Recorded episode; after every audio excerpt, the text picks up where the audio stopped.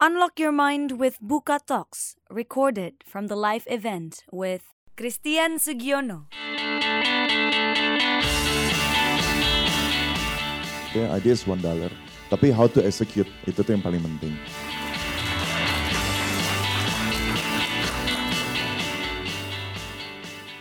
Let's join the talk. Pada tahu dong ya sama Mas Tian ini, beliau ini mendirikan malasbanget.com sekitar tahun 2011, benar Betul, begitu? iya. Iya.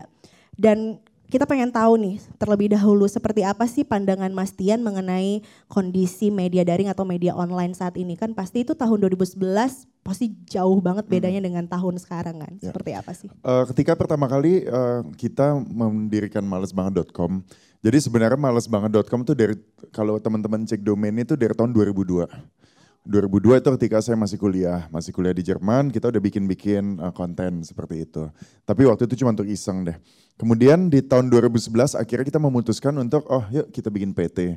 Kita bikin PT, kita jadiin ini sesuatu yang serius untuk mendapatkan eh, uang gitu ya. Eh, kondisi media online pada saat itu emang beda banget sama sekarang, super beda. Yang bisa membedakan adalah pertama gini, di tahun 2011 kenapa kita mendirikan Males Banget secara resmi? Karena kita melihat eh, kalau industri media online yang besar itu ada eh, detik.com, kapan lagi, ada Kompas dan lainnya gitu ya. Dan eh, mostly mereka itu bermainnya di ranah demografi news. Eh, kontennya konten news dan uh, ada kapanlagi.com yang entertainment tapi lebih ke apa infotainment gitu entertainment Hollywood uh, gossip atau berita Hollywood dan seperti itu Eh, kita melihat peluang pada tahun itu ada demografi yang kaum anak-anak muda Indonesia gitu yang sedang akan mulai internetnya menjadi cepat, YouTube-nya bisa ditonton. Kita melihat waktu itu belum seperti itu.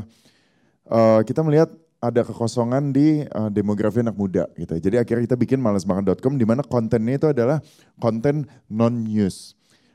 Bahasa kita tuh konten eh, creative writing gitu. Semacam kayak eh, ya sekarang sih udah banyak banget yang seperti itu gitu ya. Dan juga di tahun 2011 itu kita eh, udah berpikir untuk fokus ke konten video.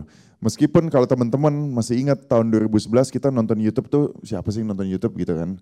Eh, kita udah mulai bikin-bikin konten YouTube. Kenapa? Karena kita selalu melihat ke luar negeri. Kadang-kadang kita di Indonesia ini enak juga nih selalu dibilang oh negaranya telat, apa-apa telat gitu ya. Cuman buat kita, buat eh, teman-teman juga calon entrepreneur tuh sesuatu yang bisa diambil manfaatnya. Contohnya eh, yaitu konten video. Di tahun 2011 konten video di sini belum seperti apa. Tapi di Amerika sudah seperti itu gitu. Jadi kita selalu melihat kiblatnya ke Amerika. Ke Amerika dia selalu 2, 3, 4 tahun lebih maju daripada kita. Dan biasanya tuh apa yang di sana rame, nanti lambat laun akan ke sini gitu.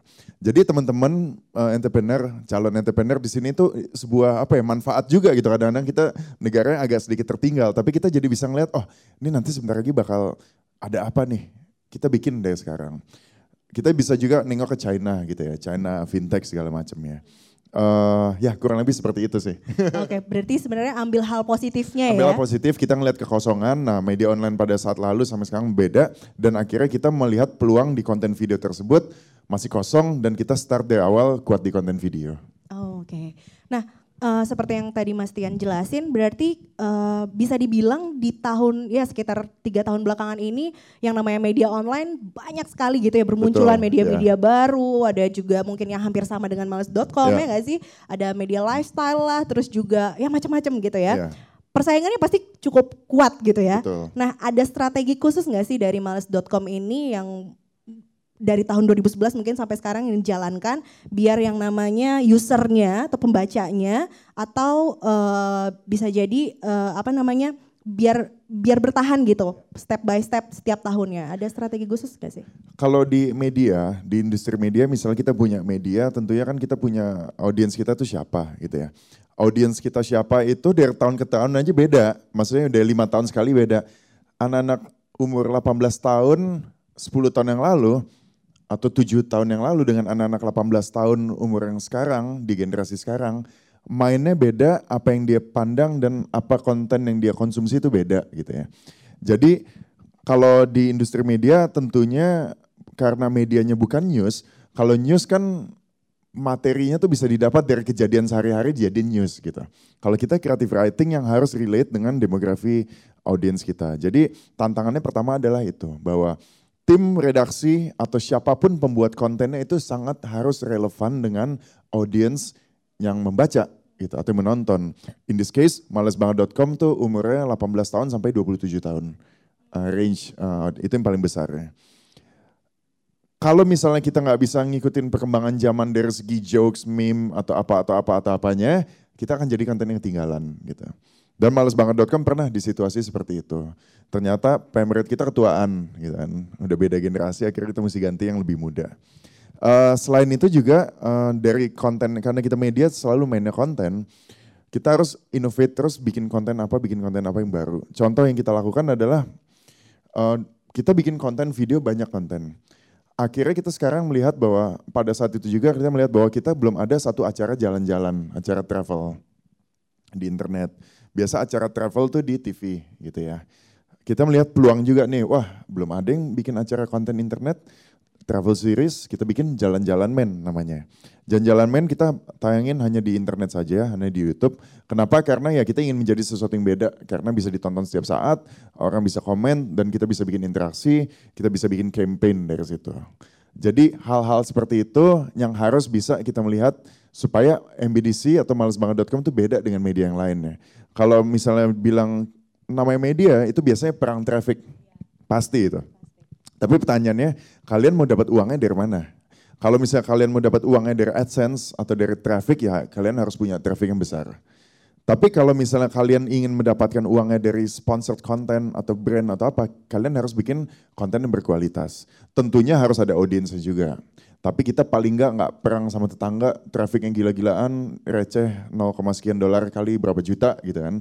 Kita mendingan bikin satu konten yang bagus, uh, 6 episode, 8 9 episode, kita jual ke brand, kita dapat uang dari situ sebagai uh, sponsored content. Nah, dari situ itu juga yang membedakan kita dengan uh, beberapa media yang kurang lebih kalau orang lihat sama sejenis gitu ya. Dari luarnya dari kontennya oh ini mirip, tapi di dalamnya kita uh, ada sedikit perbedaan dengan yang lainnya. Kita ada tim production, tim uh, brand studio, tapi kayak itu semacam digital agency arm dari MBDC sama tim konten, tim media gitu. Iya, karena konten ini emang juga semua orang lagi concern banget terhadap oh, iya. konten ini ya. Yeah. Mau media, mau ya buka lapak juga gitu semua, kan. Emang semua, konten, semua. konten penting sih.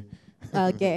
Nah, uh, pastinya nih malesbanget.com menggunakan banyak platform nih Mas Tian, ya kan? Seperti website, terus Instagram, terus karena ini tadi ada banyak konten video pasti juga pakai YouTube gitu ya. Betul. Nah, menurut Mas Tian, uh, platform apa sih yang paling efektif untuk bisa menyampaikan ya informasi gitu ya dan paling banyak engagementnya dengan masyarakat seperti apa? Uh, platform yang paling efektif pertanyaannya di mana gitu ya. Kalau misalnya kita ke Eropa, ke Jerman, orang-orang lebih banyak main Facebook di sana. Kalau ke Amerika gitu mungkin lebih banyak orang main Twitter atau di Indonesia main Instagram gitu ya. Nah kita balik lagi harus lihat audiens kita siapa. Kalau malesbanget.com kita waktu itu bikin gini, kita punya uh, konten atau kita punya topik yang mau dijadiin konten. Misalnya apa? Misalnya apa ya? Tempat yang harus kamu kunjungi kalau kamu datang ke PSD misalnya gitu ya. Kan itu ada ada sebuah topik. Nah topik tersebut itu bisa di, dibuat menjadi sebuah listicles artikel Poin satu apa, dua, tiga apa. Itu itu ditaruh di mana? Ya ditaruhnya di website kita. Tapi itu juga bisa ditaruh di Instagram dengan konten atau topik yang sama. Kita ramu ulang bikin format untuk Instagram. Jadi bisa bikin gallery, kita slide. Atau bikin video satu menit. Atau juga bisa dibikin di per point kita taruh di Twitter. Di Facebook juga bisa. Jadi uh, kalau kita sebenarnya kita taruh semua konten kita di platform yang ada, yang audiens kita pakai. In this case ya Facebook, Instagram, uh, kalau video udah pasti YouTube dan uh, Twitter gitu. Jadi sebisa mungkin karena tujuan kita adalah supaya kontennya itu mendapatkan reach yang paling besar, paling banyak. Kita harus pelajari ada di mana aja penonton kita, pembaca kita ya samperin di situ. Gitu. Berarti so far emang dipakai seluruh platform, cuman uh, kemasannya yang berbeda. Kemasan gitu ya? formatnya berbeda, disesuaikan dengan platform. Karena saya mikir juga gini sih, hari gini kayaknya orang nggak ada yang ngetik www.malesbanget.com di URL browser. Pasti orang ngelihat somehow dari social media dia klik dia klik. Jadi emang kita harus kencang di di social media distributionnya. Ya, Oke. Nah ini menarik nih, ternyata Mas Tian ini dua tahun belakangan itu katanya sudah tidak jadi CEO malesbanget.com Ya, betul. lagi. Uh-uh. Jadi hanya founder malesbanget.com ya. Ini kenapa nih Mas? Boleh cerita nggak? eh kenapa atau mungkin kegiatannya yang sekarang seperti apa? Oke. Sekarang jadi CEO tuh Aryo, Aryo Sayoga, dia partner saya, di founder juga. Kita gantian role. Karena dari pertama kali saya udah CEO dari tahun 2011 sampai tahun 2016, udah lima tahun dan cukup lama. Dan eh, emang saya dari mentor saya juga eh, dikasih tahu bahwa ada bagusnya kalau organisasi, perusahaan, startup itu saling berbagi role gitu. Eh, buat apa? Buat saling belajar supaya kita juga bisa growing, kita bisa berkembang. Jadi Aryo sekarang jadi CEO-nya, saya eh, judulnya sih direktur gitu, judulnya direktur. Tapi saya tetap banyak berkecimpung di bidang di apa di ranah kreatif gitu karena saya emang basicnya orang kreatif di ranah kreatif untuk bikin konten, eh, jalan-jalan men dan lain sebagainya. Sebagai seorang CEO itu tugasnya semuanya, keuangan apa sih segala macam segala macam. Jadi kalau ya. misalnya kalian basicnya kreatif kayak saya, mesti punya partner orang keuangan yang kuat supaya apa bisa bisa inilah bisa jalan bareng gitu. Tapi perpindahan kalau misalnya dari sisi bisnis, perpindahan seperti ya lepas gitu ya, kayak Mas Tian uh, udah nggak jadi CEO lagi, terus partnernya yang jadi CEO, perpindahannya cukup mempengaruhi Apa secara bisnis gitu gak ya? sih? Oh enggak enggak. Maksudnya itu kan itu bisnis hanya internal aja, internal gitu. Oh, oke. Kecuali eh kecuali saya Steve Jobs kali ya yang beda banget gitu. Tapi ini enggak, ini kan internal aja. Eh, lebih ke apa ya mempengaruhi mungkin lebih ke internal di dalam biasa orang reportnya ke saya, kali ini di reportnya ke yang lain gitu. Saya biasanya nggak memperhatikan hal yang mikro, sekarang tiba-tiba saya ikut detail ngeliat yang mikro ya di urusan kreatif gitu. Ketika jadi CEO kan kalau ngurus yang mikro juga pusing, tapi sedangkan saya lebih senang di situ. Jadi kita tukeran role, Aryo naik, saya jadi bisa dengan bebas eh, ikutan kreatif. Nah dari situ juga eh, kegiatan saya, saya jadi punya banyak eh, waktu lebih untuk melakukan hal yang lain gitu. Kebetulan saya emang orangnya tuh suka membuat sesuatu, that's why kreatif gitu. Always to bikin create apa? something gitu. Eh, sekarang saya lagi dan tim eh, lagi bikin aplikasi juga, eh, namanya Cumi, cuman minjem. Itu semacam kayak rental marketplace, kayak Bukalapak gitu, cuman untuk sewa menyewa. Oh, sewa menyewanya apa aja di situ? Apa pun. Jadi Apa pun. misalnya kayak paling basic mobil, motor, kalau misalnya ibu-ibu dia butuh baby stroller atau mainan bayi, kadang saya punya anak Hmm. satu tahun dan tiga dan lima tahun, kita sadar bahwa kalau kita beli mainan anak dipakai itu cuma dua bulan, habis itu teronggok di pojokan gudang berdebu gitu nggak diapa-apain. Nah dari situ kita kasih platform yang orang bisa menyewakannya juga, atau kadang kalau misalnya kita pengen beli bikin mainan anak seneng nggak usah beli, tapi ya kita sewa aja gitu. Boleh diceritain nggak Mas Tian, kenapa beralih nih, eh, bukan beralih sih sebenarnya ya, Eh, ya tapi kayak ada perpindahan dari me- media online yang tadinya coba bikin bisnis di media online beralih ke yang namanya apps gitu. Ya. Ada Saya Potensi apa? Ya sebenarnya ini apps ini udah dikerjain udah hampir dua tahun, udah lama sih gitu. Cuman emang berangkat dari saya kuliahnya IT gitu. Saya sebenarnya emang juga developer, tapi udah nggak pernah ngoding lagi. Eh, saya selalu suka sama teknologi gitu dan saya mikir itu tadi saya selalu melihat peluang gitu di Indonesia kok e-commerce udah banyak yang besar-besar jual beli gitu ya. Tapi saya selalu berangkat dari kebutuhan saya. Kadang saya kalau ke Bali mau nyewa mobil mesti kenal Made ini atau Wayan yang itu gitu. Belum tentu harganya juga sama. Eh, istri saya kadang kita mau ke luar negeri, kita mau sewa coat atau apa gitu ya ada banyak gitu. Kita, tapi kita harus cari sendiri di Instagram dan segala macam. Teman saya ada yang mau pre-wedding, dia mau cari mobil antik VW tahun 60 Karman Gia buat difoto. Nyarinya susah setengah mati gitu. Nah kita pikirnya ada problem-problem seperti ini dan kita kita ingin, saya pikir kenapa sih nggak ada app yang bisa just untuk sewa menyewa aja gitu kita cari, kita pinjam nanti kita balikin. Berangkatnya dari situ. Dan eh, saya juga selalu ingin berkembang, berkembang dalam artian pengen menambah portfolio gitu. Kita udah ada online media. Kebetulan udah bisa autopilot, eh, udah bisa jalan sendiri. Akhirnya saya pengen membuat sesuatu yang baru gitu. Nanti Cumi juga seperti itu, nanti sudah jalan, sudah besar, ya kita harus fokus di situ tentunya ngerjain. kalau misalnya bisa ada bisa jadi autopilot dan jalan lagi, saya pengen ngerjain yang lain lagi gitu. Saya orangnya tuh gatel gitu. Oke. Nah, ini uh, apa namanya yang namanya berarti kan bisnis ini dimulai memang karena berasal dari masalah-masalah yang ada di sekitar Betul. berarti ya. Hmm. Pengalaman dari Mas yeah. sendiri gitu ya. Nah, uh, challenge-nya apa nih? Kalau teman-teman Kalau apps kan juga sekarang ya, juga banyak ya, Mas. Secara umum kali ya, kalau misalnya menjadi seorang founder startup gitu ya, apalagi internet uh, digital gitu, challenge paling utamanya itu adalah uh, mencari talent. Mencari talent uh, dalam hal ini adalah developer developer tuh sangat sangat uh, yang bagus ya, sangat sangat apa ya susah lah kita kita kita kunci gitu. Kenapa? Karena contoh perusahaan Bukalapak besar-besar mereka developer berapa ya? 200 kali ya. Lebih mas. Ya itu dia, developer aja banyak banget gitu. Jadi kalau teman-teman yang perusahaan masih kecil akan bersaing dengan perusahaan yang besar gitu. Itu satu. Jadi harus pinter-pinter punya CTO yang bagus supaya bisa nge supaya timnya itu bisa bonding banget dan juga harus bisa share the vision to them itu sangat jelas bahwa mereka tahu kalau ikutan ini itu bisa seru, paling nggak bisa seru, bisa besar dan nanti bisa ada ujungnya, ada hasilnya. Kemudian juga karena masalah harga, karena talent developer kita saingan dengan perusahaan-perusahaan besar, mau nggak mau ya kalian harus memikirkan itu. Kita nggak bisa terlalu banting harga banget. Mungkin uh, bisa dikasih insentif lain seperti uh, ESOP atau apa, employee shares, seperti itu. Tapi itu nanti untuk next levelnya. Kemudian challenge berikutnya adalah uh, gimana cara apa ya? Kadang orang punya ide bagus. Ide is not a idea is not worth one million gitu ya. Idea is one dollar. Tapi how to execute itu tuh yang paling penting.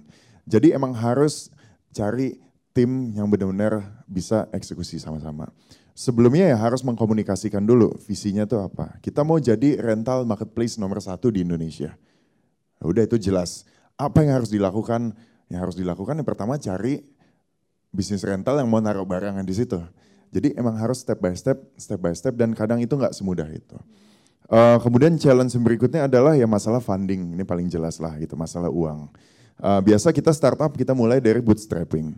Uh, kita punya tim, kita punya ide, Oke, okay, kita mau bikin rental marketplace lah contoh ya. Uh, kita butuh apa? Kita butuh developer UI, UX, uh, back end, sama uh, project manager. Kita butuh empat orang untuk bikin app yang jadi deh. Kita punya waktu, misalnya saya develop 6 bulan gitu, uh, kita gaji mereka X rupiah kali 6, berarti kita butuh misalnya 100 juta misalnya. Berarti duit 100 juta itu kita chip in dulu. Kemudian dari situ harus berkembang lagi, harus berkembang. Jadi ada siklus yang namanya fundraising itu yang harus selalu dilakukan. Sampai level tertentu yang besar. Ini agak tricky kayak beda kalau kita buka restoran. Kita buka restoran atau buka kafe jelas dari income uh, uh, kita potong kita dapat profit itu bisa kita gulung lagi atau masuk ke dividen. Sedangkan startup tuh kadang-kadang bakar duitnya tuh nggak stop-stop. Nah, jadi si entrepreneur itu si founder ini harus benar-benar presisi mengenai uang, mengenai hitungan. That's why tadi aku bilang harus cari partner yang ngerti uang. Apa CFO-nya jago, mesti jago. Hmm. Karena ini uang besar dan burning rate-nya tuh cepat dan tinggi. Kalian jangan tanggung-tanggung menggunakan uang investor gitu. Maksudnya apa? Once kalian mau fundraising harus jelas, gede gitu. Jangan kecil-kecil. Kecil-kecil nggak apa-apa early stage uh, untuk teman-teman, untuk seed round gitu. Tapi nextnya itu harus yang sekaligus gede. Karena kalau misalnya kita berangkat kecil-kecil, stepnya kecil atau apa, investor juga pertama akan susah kita bergeraknya.